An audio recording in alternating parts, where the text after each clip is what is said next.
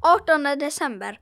Det är den 18 dagen och den vänliga julgransförsäljaren från Åsby har anlänt igen till sin vanliga plats bredvid stadsbiblioteket med en halv norsk-skånsk skog lutad mot vin vinliga träställningar knubbiga kungsgranar och smalare vanliga som Tilda tycker sämre om, men som mamma säger doftar gran precis som gran ska och det gör inte de andra.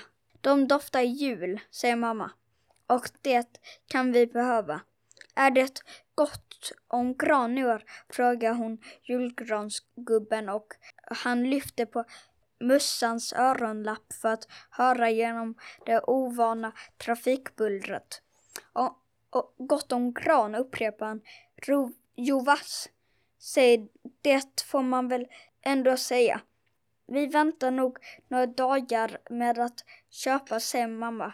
Till dagen före dagen, eh, eller så, som vanligt. Julgransförsäljaren nickar. Det är kanske lika bra, säger han.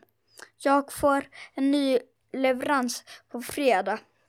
Det är något knasigt med dem jag har med mig nu. Han slår händerna mot varandra för att värma dem. Kanske har han glömt sina vantar i Åsby. Knasigt, undrar mamma. Jag tyckte att de ser jättefina ut. Gubben eh, gör en grimas. Jo vars, säger han. Nog ser de fina ut alltid. Så länge de står här. Men nu ska ni höra. Han sänker rösten och vinkar åt Tilda och mamma att komma närmare. Så fort en gran av dem, en, en av dem har blivit utvald och till någons julgran omedelbart efter att den har tagits och kunden, kunden ska bära bort den så, så tappar den alla bär. Det är inte möjligt, utbrist, utbrister mamma. Gubben gör en grimas igen. Nej, säger han. Men så är det i alla fall. Hemma möts de, de redan i trappuppgången av ljudet av dammsugaren. Det är pappa som har bestämt sig för att det måste julstädas. Vänta där, ropar han och låter Tilda och mamma stå kvar på tröskeln. Medan han anfaller dörrmattan och med dammsugsmunstycket. Det trasslar så hemtrevligt i, i slangen. När mattan är fri från grus. De är välkomna in sätter han av dem genast i arbetet. Tilda får i uppgift att putsa alla speglar. Det tycker hon om.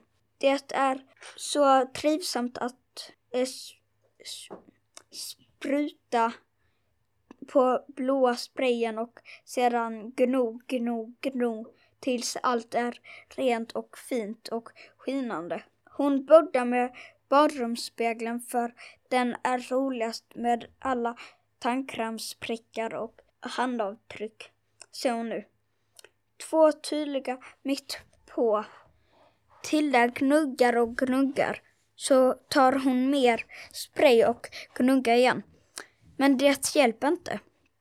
Handavtrycken är ännu kvar. Nästan som om det satt inne i spegeln. På något konstigt sätt. Hon bestämmer sig för att ge, ge sig på den stora spegeln i, i hallen istället. Nu har vi jul här i vårt hus. Skrålar pappa bortifrån vardagsrummet och ly lyckas faktiskt överrösta, överrösta dammsugsbullret. Tilda putsar och putsar sprayen och trots att det är ganska rent från, redan från början lig, Nu ligger det fullt av hopp, hoppknycklade hushållstustar runt hennes fötter och hon böjer sig ner för att eh, samla ihop dem. Men och möter sig av sin egen blick i spegeln. Sin egen blick. Hon trycker näsan mot den kalla speg spegelglaset och tittar rakt in i någons an annars ögon. Hoppas att ni lyssnar på eh, kapitel 19. Jag heter Hugo från 3A. Hejdå!